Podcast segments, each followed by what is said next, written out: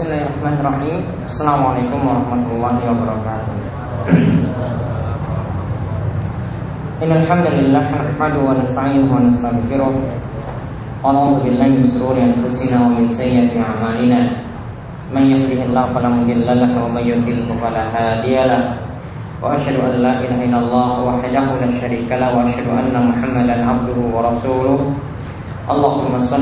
Nabiyyina wa sayyidina Muhammad wa ala alihi wa man tabi'ahum bi ihsanin ila yaumil Baik, ikhwan uh, fillah rahimani wa rahimakumullah. Alhamdulillah kita bersyukur kepada Allah Subhanahu wa taala. Di kesempatan maghrib yang selepas maghrib yang berbahagia ini kita akan kembali melanjutkan pembahasan kita dari kitab tauhid karya Syekh Muhammad bin Abdul Wahab rahimahullah taala yang jatuhnya tahun 1206 Hijriah. Pembahasan kita terakhir kita membahas tentang berhukum dengan hukum selain Allah dan di kesempatan kali ini kita akan membahas pembahasan yang baru, bab yang baru yaitu berkaitan dengan keimanan terhadap nama dan sifat Allah Subhanahu wa taala. Dan di sini Syekh Muhammad itu memberikan judul Man jahada syai'an min al-asma' wa sifat. Itu siapa yang mengingkari Jahada di sini bermakna yakfur Mengkufuri atau mengingkari Sesuatu dari nama dan sifat Allah subhanahu wa ta'ala ya sesuatu dari nama dan sifat Allah Subhanahu wa taala.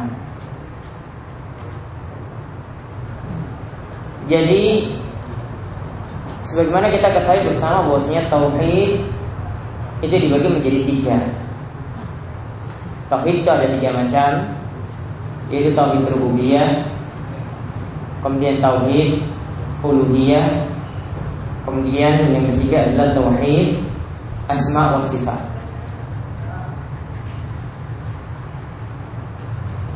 Tauhid rububiyah berarti kita meyakini bahwasanya Allah Subhanahu wa taala sebagai pencipta, pemberi rezeki dan pengatur alam semesta. Sedangkan tauhid uluhiyah yang menjadi konsen kita dalam pembahasan kitab tauhid ini yaitu meyakini bahwasanya hanyalah Allah Subhanahu wa taala yang satu-satunya yang boleh diibadahi tidak boleh satu ibadah pun ditujukan kepada selain Allah Subhanahu wa taala. Nah, itu yang kita bahas dari awal-awal membahas kitab tauhid ini ya sampai sebelum pembahasan ini ya beberapa bab sudah menyinggung pembahasan tauhid uluhiyah ya di mana inti dari pembahasan tersebut kita diperintahkan untuk mengisahkan Allah Subhanahu wa taala dalam ibadah. Nah, tauhid itu juga ada yang ketiga, artinya seorang yang dikatakan beriman kepada Allah Subhanahu wa taala dengan iman yang benar apabila dia punya keimanan yang benar juga dalam tauhid yang ketiga ini yaitu tauhid asma wa sifat. Ya tauhid asma wa sifat. Ya, seorang baru dikatakan keimanannya kepada Allah Subhanahu wa taala itu benar kalau ketiga tiganya ini ada. Dia tidak cukup meyakini Allah sebagai pencipta saja. Dia tidak cukup juga menunjukkan setiap ibadah itu hanya untuk Allah Subhanahu wa taala, namun dia juga harus sempurnakan dengan yang ketiga, yaitu dia harus meyakini dengan benar mengenai nama dan sifat Allah Subhanahu wa taala.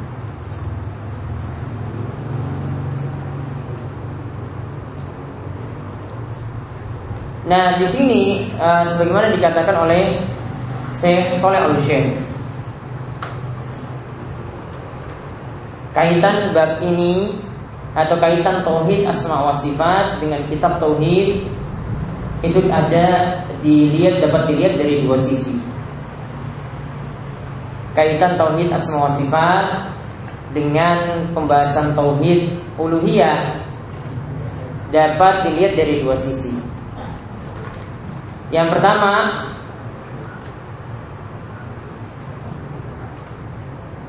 atau ini kaitannya dengan kitab tauhid ya kitab tauhid yang beliau susun itu ada dua sisi yang pertama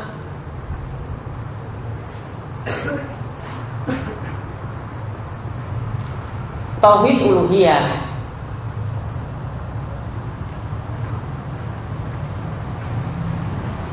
Yaitu di mana kita beribadah hanya kepada Allah Subhanahu wa taala saja itu semakin jelas atau semakin benar jika kita mengimani nama dan sifat Allah Subhanahu wa taala dengan benar. Kalau keimanan seorang terhadap nama dan sifat Allah itu benar, maka tentu saja dalam masalah ibadah dia pasti tujukan kepada Allah Subhanahu wa taala. Ya, kalau dia dalam nama dan sifat Allah dia meyakini dengan benar, berarti dia dalam masalah ibadah dia hanya ditujukan kepada Allah Subhanahu wa taala. Karena Allah punya nama dan sifat yang sempurna yang tidak mungkin serupa dengan makhluknya. Kemudian Allah Subhanahu wa taala tersebut ini sudah menunjukkan bahwasanya Allah Subhanahu wa taala satu-satunya yang berhak diibadahi.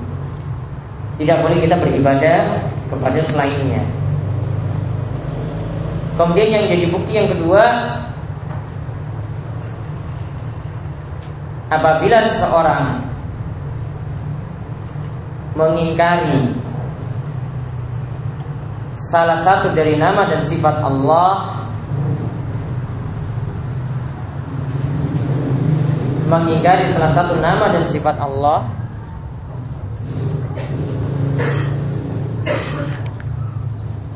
Baik. Baik dalam keimanan kepada Allah Subhanahu wa taala. Tadi kita bagi menjadi tiga, yaitu beriman kepada rububiyah, sifat rububiyah, kemudian beriman kepada sifat uluhiyah Allah Subhanahu wa taala dan beriman dengan nama dan sifat Allah Subhanahu wa taala. Nah, pembahasan yang kita angkat kali ini adalah mengenai nama dan sifat Allah Subhanahu wa taala Beliau membawakan judul bab man jahada syai'an minal asma was sifat. Yaitu siapa yang jahada, jahada di sini yang dimaksudkan adalah mengingkari nama dan sifat Allah Subhanahu wa taala. Nah, kita tadi lihat bahwasanya kaitannya tauhid asma wa sifat ini dengan pembahasan kitab tauhid atau dengan tauhid uluhiyah secara umum yaitu sebagaimana kata Syekh Shalal Syekh tadi yang pertama kalau seorang itu keimanannya kepada asma wa sifat itu benar, maka pasti dia akan beribadah kepada Allah Subhanahu wa taala semata. Karena Allah punya sifat-sifat yang mulia, tentu saja ibadah hanya ini tunjukkan kepada Rabb yang memiliki sifat yang mulia seperti itu.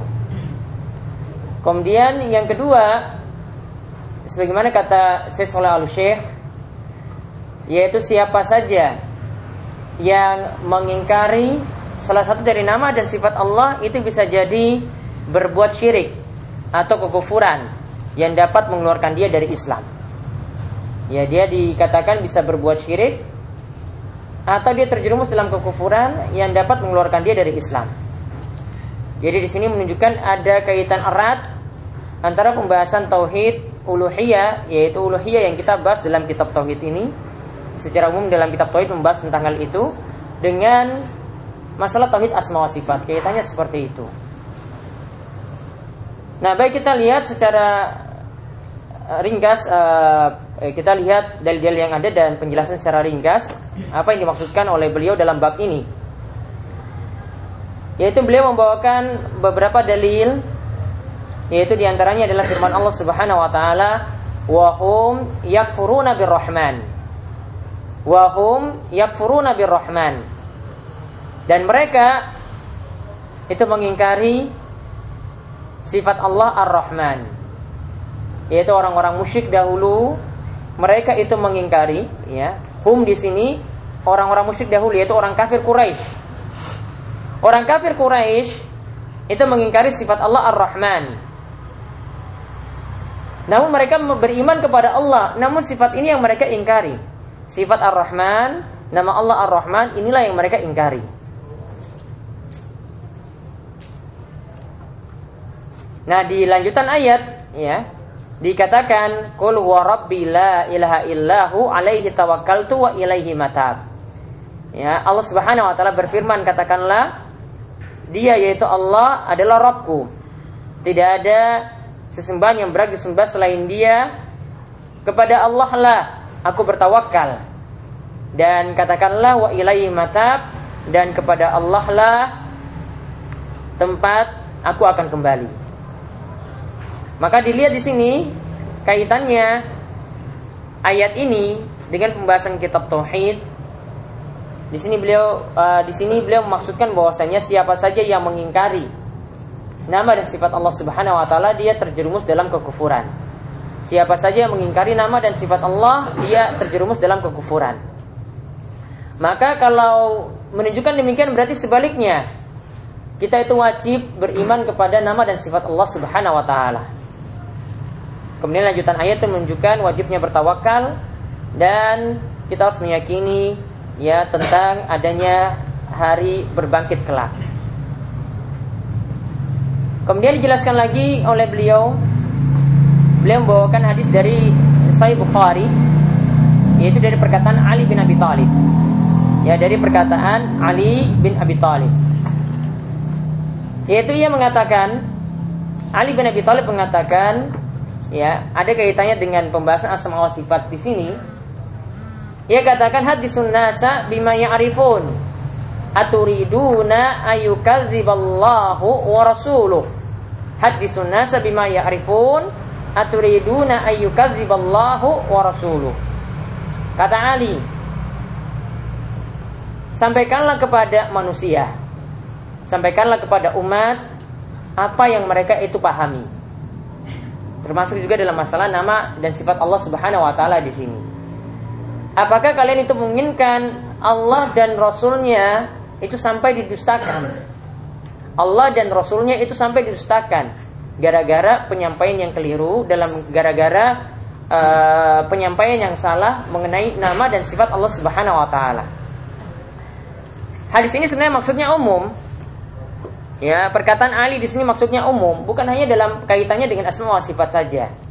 Namun karena beliau ini masukkannya dalam pembahasan asma wa sifat, nama dan sifat Allah Subhanahu wa taala, maka di sini menunjukkan bahwa maksud dari Syekh Muhammad bin Abdul Wahab untuk menunjukkan kepada kita bahwa kalau kita ingin menyampaikan nama dan sifat Allah kepada orang lain, jangan sampai membuat orang lain itu malah mengingkari nama dan sifat Allah Subhanahu wa taala. Misalnya mengenai nama dan sifat Allah yang mereka itu sulit masuk dalam pikiran mereka, ya mungkin kadang kita tunda. Dalam hal-hal saja yang masuk akal atau akal mereka itu terima kita sampaikan. Ya, kadang seseorang itu belum bisa menerima karena terlalu mengedepankan logika daripada dalil. Kalau dia sudah beriman kepada dalil pasti akan menerima Allah berbicara dengan tentang hal ini. Allah berbicara Allah itu memiliki tangan, ya. Allah memiliki penglihatan dan seterusnya itu pasti akan menerima. Dia tidak akan tentang dengan logika-logika yang dia miliki. Nah, namun di sini beliau tegaskan lagi, ya, bahwasanya Ali itu mengatakan ini pelajaran yang bisa kita ambil bukannya dalam menyampaikan masalah asma wa sifat saja, tapi dalam segala hal, yaitu kita ketika mendakwai orang lain, ya hendaklah apa yang mereka itu mudah pahami. Kadang ini kita sampaikan dalam sisi bahasa. Ya, bahasa kita sampaikan kepada orang itu kadang berbeda-beda. Ketika berbicara dengan ya mahasiswa dengan kalangan intelek misalnya, tentu bahasanya itu berbeda dengan bahasa yang mereka lebih mengerti.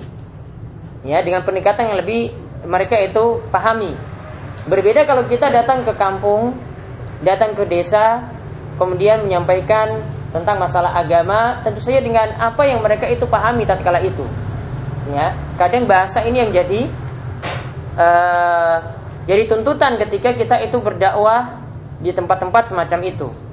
Ya kadang dari sisi bahasa kita perlu menyampaikan apa yang mereka itu pahami. Kadang juga dimaksudkan oleh Ali di sini adalah dari sisi materi. Ya materinya mungkin kita sampaikan bertingkat-tingkat tidak yang tinggi-tinggi. Dalam masalah semua sifat juga di sini termasuk ya kita mau menyampaikan kepada orang awam tentang keimanan terhadap nama dan sifat Allah itu bagaimana cukup sampaikan secara global Ya, cukup sampaikan secara global bahwa Allah Subhanahu wa taala punya nama dan sifat-sifat yang sempurna. Kita tidak boleh menolaknya. Bahwasanya kalau Allah sudah membicarakan dia memiliki nama, dia memiliki sifat atau Rasul sallallahu alaihi wasallam itu menyatakan Allah memiliki nama dan memiliki sifat, maka harus kita imani. Mungkin cuma dengan kaidah global seperti ini. Tidak kita perinci. Untuk orang yang ingin belajar lebih dalam lagi, nanti akan diperinci. Nah, dalam masalah akidah semua sifat seperti itu.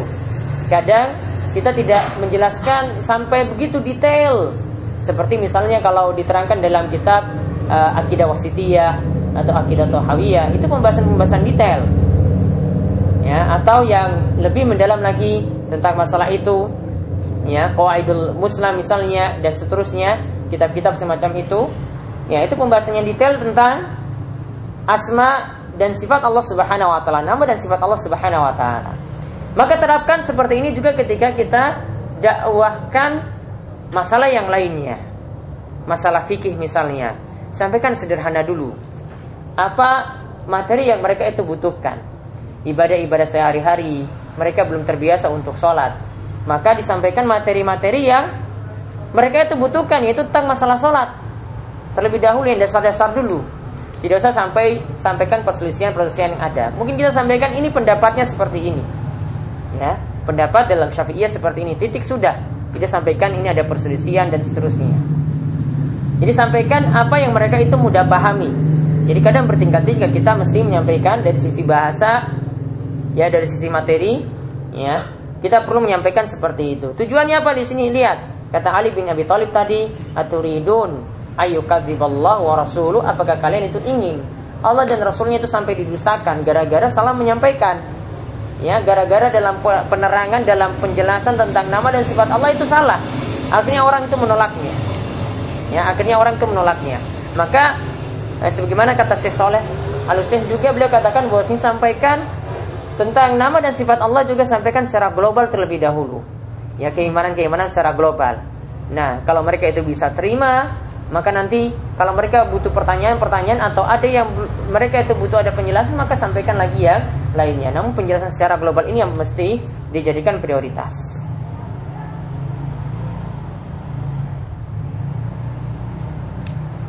Jadi ini juga jadi dalil kadang suatu kebenaran itu bisa ditunda. Ya, kadang suatu kebenaran penyampaiannya itu bisa ditunda. Ya, sampai Mungkin orang lain tuh bisa terima, baru kita sampaikan kebenaran tersebut. Ya. Mungkin di masyarakat ada suatu tradisi yang sudah mendarah daging. Kita tidak pernah membahasnya. Tidak pernah menyinggungnya. Nanti ditunda dulu. Ada pembahasan yang lebih urgent. Masih tersebar kesyirikan, sampaikan kesyirikan dulu ini bahaya. Kemudian masih tersebar juga dosa-dosa besar. Ya, di kampung misalnya, di desa misalnya atau di kota itu misalnya zina merajalela, judi merajalela, pasang nomor, nomor apa? nomor togel ya. Itu laris ya. Di desa-desa di kampung-kampung itu laris. Maka ini dijadikan prioritas dulu. Nanti masalah-masalah yang lainnya ya, kadang itu mesti ditunda walaupun yang lainnya itu benar. Kadang itu butuh, butuh adanya penundaan. Walaupun itu adalah suatu kebenaran. Tradisi tadi mungkin itu ditunda dulu. Ini lebih penting ini. Masyarakat ini bisa jadi rusak ini gara-gara adanya kesyirikan, gara-gara dosa besar ini semakin merajalela yang ada di tengah-tengah mereka. Nanti kalau mereka sudah terima hal ini, baru sampaikan lagi. Wah, ini nanti pelan-pelan kasih kaidah saja. Kasih kaidah ya, tidak perlu kita langsung to the point pada permasalahan yang ada di tengah-tengah mereka. Tidak perlu kita langsung membahas wah ini hukum tahlilan seperti ini misalnya, tidak perlu. Ya, ini hukum yasinan itu seperti ini tidak perlu. Cukup mereka nanti memfonis sendiri. Ibaratnya kalau kita mau uh, menjelaskan tradisi yang sudah mendarah daging, itu ibaratnya kita punya kubuk ya, gubuk reok. Gubuk reok itu artinya rumah yang sudah mau hancur. Kalau kita mau mendirikan bangunan baru, ya tentu saja kita tidak mesti atau kita tidak boleh menghancurkannya dari bawah rumah tersebut. Kita tarik tali kemudian kita ada di bawah rumah tersebut, kan nggak mungkin. Maka caranya bagaimana? Tarik jauh-jauh, ambil tali, diikat di kepalanya misalnya di atapnya kemudian tarik jauh-jauh. Ya.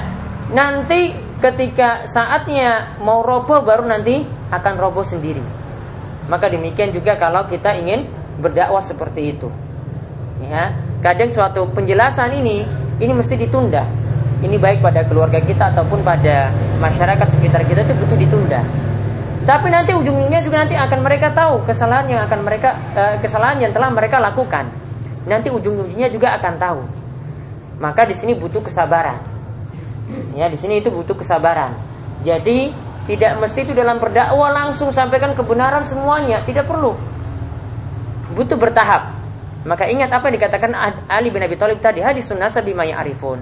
Sampaikan terlebih dahulu apa yang mereka itu pahami. Ya. Atau di sini kita sampaikan apa yang lebih mereka butuh. Jangan sampai orang itu malah menjauh dari dakwah jangan sampai malah orang pergi jauh. Gara-gara penyampaian kita yang tidak benar penyampaian kita yang tidak tepat ya akhirnya jadinya seperti itu. Nah inilah yang terjadi di tengah-tengah kita itu seperti itu sebenarnya dakwah itu mudah tapi memang butuh waktu. Butuh waktunya ini yang kita tidak mau sabar.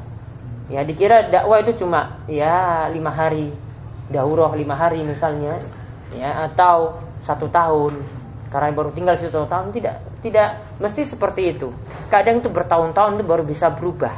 Kadang pun itu sulit untuk berubah namun orang-orang sudah tahu kalau dia itu salah.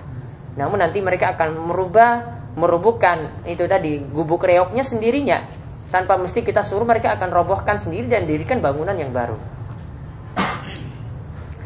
Nah kemudian di ada lagi dari riwayat dari Abdul Razak, ya. Dalil yang ketiga yang beliau bawakan. Dari Ma'mar bin Abi Taw, bin uh, dari Ma'mar dari Ibnu Taus dari bapaknya dari Ibnu Abbas. Di mana Ibnu Abbas itu mengatakan ya ini membicarakan masih tentang orang yang mengingkari sifat Ar-Rahman atau mengingkari nama dan sifat Allah annahu ra'a rajulan intaqada lamma sami'a hadisan an Nabi SAW fi sifat. Bahwasanya dia melihat seseorang intaqada yaitu irta'adda yaitu dia itu berpaling ketika dia mendengar hadis Nabi SAW tentang sifat-sifat Allah. Istingkarun lizalik. Dia itu berpaling ya karena mengingkari hal itu. Fakal ya kemudian uh, dia itu uh, uh, Ibnu Abbas itu mengatakan ma haula kenapa mereka itu kok bisa pergi kemudian ada yang mengatakan uh, kemudian dikatakannya jiduna riqata inda muhkamihi wa yahlikuna inda mutasyabihi yaitu mereka itu menolak ya ayat-ayat yang sudah muhkam. Ayat-ayat yang sudah jelas. Namun mereka malah yahlikun. Ya mereka itu menol uh, maaf mereka itu yajidun. Mereka itu yajidun narikah mereka itu mendapati ya ayat-ayat yang muhkam. Wa ya, yahlikuna inda mutasyabi namun mereka itu terlena dengan ayat-ayat yang mutasyabi yang masih belum jelas ya ayat-ayat yang masih samar ayat-ayat yang masih belum jelas Maksud dari perkataan Ibnu Abbas di sini adalah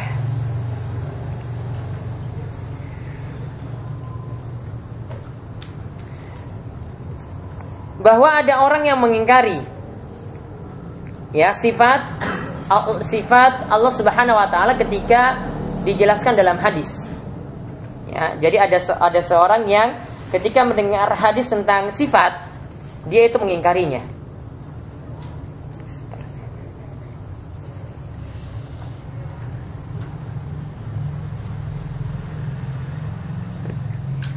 Ya, ketika mendengar hadis tentang sifat dia itu mengingkarinya. Kemudian dia malah ketika itu sudah mendapati ayat-ayat yang muhkam. Ya, namun dia begitu senang ketika ada ayat yang mutasabi, ayat yang masih samar, kemudian dia tertarik atau mengambil ayat yang masih samar tersebut. Maka di sini lihat bahwasanya ada orang yang menolak sifat Allah Subhanahu wa taala dan berpaling kepada ayat-ayat yang mutasyabih, ayat-ayat yang masih samar. Ayat berarti ada dua macam. Ya, ayat itu berarti ada dua macam. Ada ayat yang muhkam dan ada ayat yang jelas.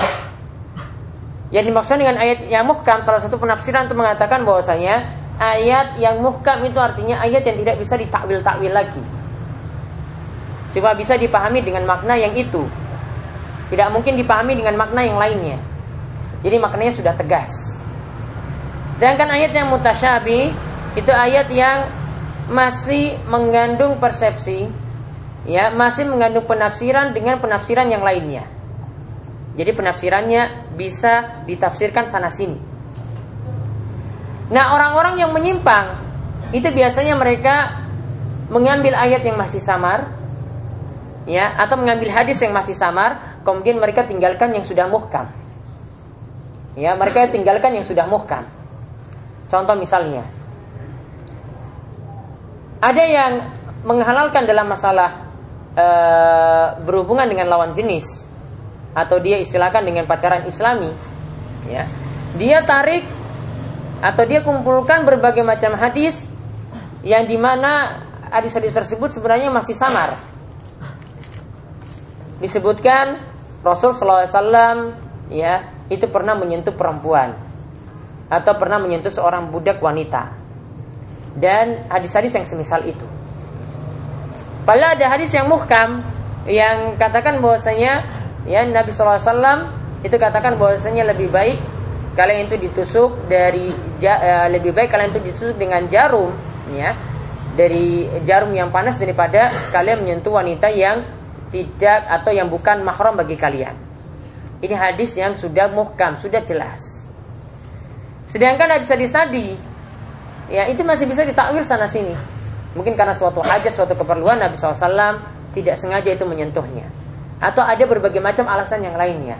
Ya, maka ada yang sebagian mengambil dalil-dalil yang mutasyabi. Mutasyabi tadi artinya apa? Yang samar. Ya, mutasyabi itu artinya yang samar. Masih bisa ditakwil sana sini, masih dibawa masih bisa dibawa penafsirannya ke sana sini. Dia ambil ayat, hadis atau dalil semacam itu. Pada ada dalil-dalil yang begitu tegas.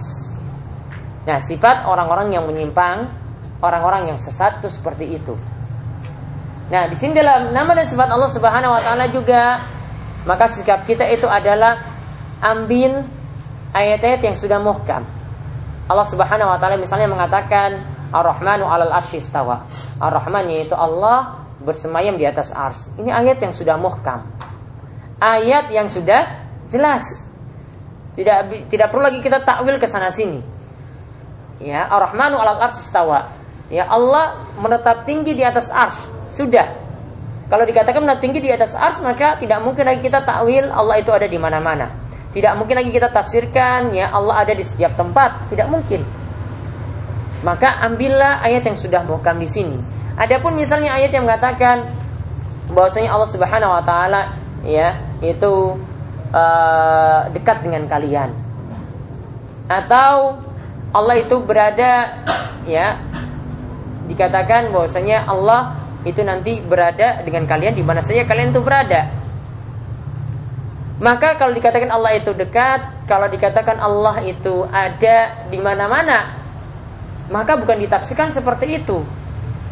Ayat satu dan yang lainnya tidak mungkin saling bertentangan. Oleh karena itu kalau ada yang mengata, eh, ayat yang menyebutkan Allah itu dekat, tetap kita katakan bahwasanya zat Allah tetap menetap tinggi di atas arsh. Namun ilmu ilmu Allah lah yang dekat, bukan zat Allah. Sama juga dengan tadi. Ya. Jika kalian itu berada di mana, maka Allah ada di situ. Maka ini juga menunjukkan bahwasanya dimaksudkan itu adalah ilmu Allah Subhanahu wa taala, bukan zat Allah. Ya, jadi ayat yang sudah mukam itulah yang jadi pegangan, bukan yang bisa ditakwil sana sini. Nah, di sini jadi di antara Sebab orang itu bisa menolak nama dan sifat Allah Subhanahu wa taala ini karena berpegang dengan dalil-dalil yang mutasyabih, yaitu dalil-dalil yang masih sah, samar. Ini perkataan Ibnu Abbas itu menunjukkan demikian. Bahwasanya ada orang-orang yang e, mereka itu menentang nama dan sifat Allah itu gara-gara alasan itu. Maka solusinya apa biar kita bisa beriman kepada Allah Subhanahu wa taala dengan keimanan yang benar dalam nama dan sifat Allah? yaitu ketika kita menemukan ayat-ayat nama dan sifat Allah maka kita pahami sesuai dengan hakikatnya. Kalau dikatakan Allah itu melihat ya maka kita pahami ayat benar memang Allah Subhanahu wa taala itu melihat. Kalau dikatakan Allah itu Maha mendengar ya memang kita pahami juga demikian. Tidak perlu ditakwil sana sini atau tidak perlu sampai ditolak sifatnya atau tidak perlu diserupakan dengan makhluknya. Maka penyimpangan dalam asma wa sifat ya seperti yang disebutkan oleh Ibnu Taimiyah di dalam awal-awal kitab Akidah Wasitiyah itu ada empat. Penyimpangan dalam asma wa sifat itu ada empat. Yaitu yang pertama melakukan tahrif. Yang pertama itu melakukan tahrif. Yang dimaksudkan dengan tahrif yaitu menafsirkan nama dan sifat Allah tidak sesuai dengan kehendak Allah. Menafsirkannya tidak sesuai dengan apa yang Allah maui. Apa yang Allah kehendaki. Dia palingkan ke makna yang lainnya. Dikatakan Allah itu punya tangan, Allah itu memiliki tangan, dikatakan Allah punya kekuasaan. Atau dengan makna-makna semacam itu. Ini namanya memalingkan, namanya tahrif. Ini tidak sesuai dengan apa yang Allah Subhanahu wa taala itu kehendaki. Kemudian yang kedua, ya penyimpangan dalam nama dan sifat Allah itu disebut dengan ta'til, yaitu menolak. Artinya dia meniadakan sama sekali nama dan sifat Allah. Ya, dia itu melakukan ta'til, menolak nama dan sifat Allah. Kemudian yang ketiga, melakukan takif yaitu menyebutkan hakikat sifat-sifat Allah.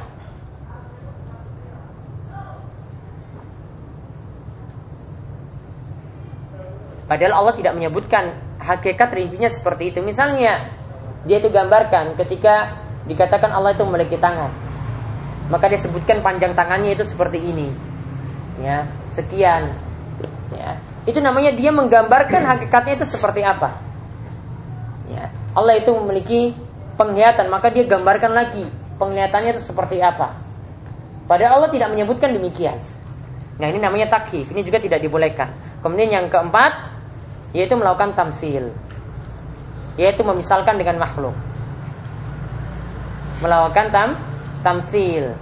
Yaitu memisalkan, e, memisalkan dengan makhluk dikatakan Allah Subhanahu wa taala itu istawa, dikatakan dicontohkan lagi istawa itu seperti ini, seperti duduk di kursi seperti ini.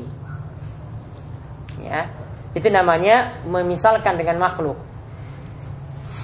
Nah, ini penyimpangan. Nah, ini nanti penjelasan detailnya itu nanti dalam ya pembahasan uh, asma sifat secara secara tersendiri ya di antaranya itu dari dari kitab uh, misalnya akidah wasitiyah atau akidah tohawiyah itu banyak disinggung tentang masalah asma sifat semacam itu. Ya, pokoknya setiap kitab-kitab akidah ya para ulama itu selalu mendahului dengan pembahasan uh, asma wa sifat. Ya, sedangkan kalau tauhid uluhiyah mereka menyendirikannya, tidak membahas secara detail. Yang membahas secara detail tentang tauhid uluhiyah itu cuma dalam kitab tauhid Syekh Muhammad bin Abdul Wahab.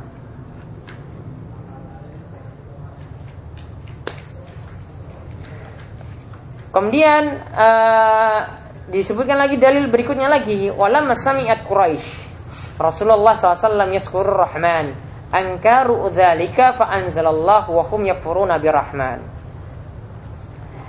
Yaitu ketika Orang Quraisy itu mendengar Rasulullah SAW menyebut sifat menyebut nama Allah Ar-Rahman. Angkaru dzalika mereka mengingkarinya. Ya, mereka itu mengingkarinya hingga turun firman Allah Subhanahu wa taala wa hum yakfuruna birrahman. Mereka itu mengingkari nama Allah Ar-Rahman. Maka lihat di sini ini disebutkan oleh Syekh Saleh Al Fauzan bahwasanya ketika ingin ditulis Bismillahirrahmanirrahim dalam perjanjian Hudaybiyah. Ya. Ketika ditulis Bismillahirrahmanirrahim dalam perjanjian Hudaybiyah maka ketika mereka itu melihat nama Ar-Rahman dalam lafaz Bismillahirrahmanirrahim, mereka katakan fala na'rifuhu. Kami tidak mengenal nama Allah Ar-Rahman. Kami tidak mengenal nama Allah Ar-Rahman. Wala nadibar Rahman dan kami tidak tahu siapakah Ar-Rahman. Wala naktub illa bismika Allahumma. Dan kami cuma mau menulis bismika Allahumma saja. Mereka tidak mau tulis bismillahirrahmanirrahim tidak mau. Mereka cuma mau menulis bismika Allahumma. Nah sehingga ketika itu langsung turut ayat tadi Orang-orang ini mengingkari Ar-Rahman Mengingkari sifat Allah Dan nama dan sifat Allah Ar-Rahman Nah di sini sangkaan orang musyrik Ketika disebutkan sifat Allah Ar-Rahman Dikira Ar-Rahman dengan Allah subhanahu wa ta'ala itu berbeda Ar-Rahman sendiri Allah juga sendiri Sehingga Ar-Rahman ini mereka tolak Ya, mereka cuma pakai Allah saja. Maka ini eh, jadi kaidah dalam uh, pelajaran asma wa sifat bahwasanya ta'addad al-asma la yadullu ala ta'addudil musamma. Nama yang berada beberapa macam tidak menunjukkan orang yang dinamakan itu bermacam-macam. Orangnya itu lebih daripada satu. Ada satu orang penyebutannya itu macam-macam. Ya, ada satu orang itu penyebutannya itu macam-macam. Dia punya gelaran. Ketika dia punya nama asli itu seperti ini ya namanya itu Muhammad tapi nama gaulnya beda lagi lain. Ya dia punya nama gaul lagi. Ya Muhammad jadinya. Ya. Dua nama yang berbeda ya kan? Kita dia punya nama Muhammad tapi dipanggil Mamat dipanggil Mamat ya dipanggil seperti itu dua nama ini menunjukkan orangnya itu dua tidak Orangnya cuma satu, yaitu yang dimaksudkan sini adalah Muhammad tadi. Sama dengan lafaz Allah tadi dengan Ar-Rahman. Namanya memang dua. Namun ditujukan kepada zat yang sama yaitu Allah Subhanahu wa taala. Maka ini jadi kaidah ya. Ini orang-orang yang menolak nama dan sifat Allah itu seperti itu. Mereka menyangka bahwasanya dengan berbilangnya nama berarti zatnya itu nanti berbeda. Nah, ini menunjukkan kekeliruan. Yang benar itu adalah apa? Bahwasanya tadi disebutkan kaidah nama yang beraneka ragam itu belum tentu menunjukkan zatnya juga lebih daripada satu. Bisa jadi cuma satu itu saja. Ya, sama seperti kita terapkan ini dalam nama dan sifat Allah Subhanahu wa taala.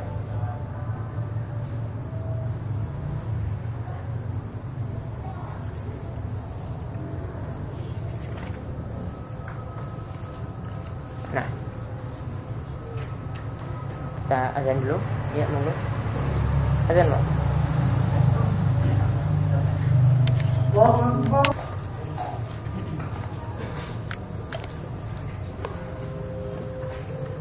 Saya tidak bisa bacakan masailnya nggak kelihatan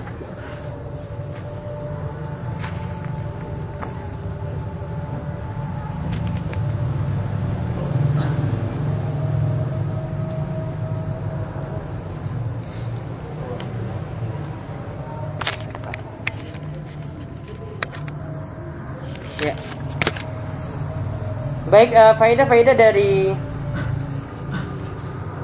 faedah dari uh, tiga dalil atau empat dalil yang beliau sebutkan di sini. Yaitu yang pertama ada mul iman bisyai'in minal asma wa sifat. Yaitu ada yang mengingkari yaitu tidak beriman kepada nama dan sifat Allah Subhanahu wa taala.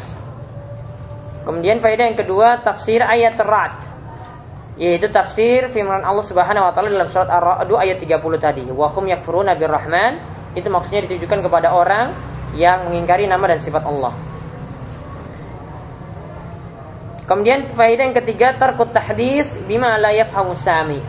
Yaitu hendaklah seseorang itu meninggalkan pembicaraan pada sesuatu yang orang yang mendengar itu tidak paham.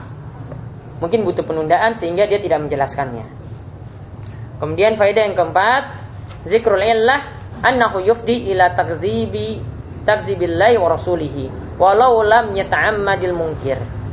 Ya disebutkan alasan bahwasanya kenapa kita tidak me membicarakan kebenaran ketika itu ya apalagi ketika itu tidak dipahami oleh audiens oleh pendengar di sini dikatakan bahwasanya ya kalau kita membicarakannya ya malah nanti Allah dan Rasulnya itu nanti yang didustakan Kemudian yang faedah yang terakhir ya perkataan Ibnu Abbas liman istangkara syai'an min dzalik wa annahu ahlakahu. Ya. Dan ada orang yang sengaja mengingkari nama dan sifat Allah sehingga karena dia itu mengingkarinya ya sifat pengingkarnya ini yang membuat dia itu binasa. Ya, jadi ya pembahasan bab ini menunjukkan kita wajib beriman kepada nama dan sifat Allah seperti itu. Nah, insya Allah nanti uh, pembahasan berikutnya insya Allah kita akan bahas pada pertemuan minggu depan ini karena halangan lampu tidak nyala dan mudah-mudahan Allah Subhanahu Wa Taala memberikan kita balasan atas uh, pelajaran yang kita kaji pada malam hari ini walaupun dengan matinya lampu seperti ini mudah-mudahan minggu depan kita dapat melanjutkan lagi pelajaran tersebut. Subhanakallahumma bihamdika asyhadu an la ilaha illa anta astaghfiruka wa atubu ilaik.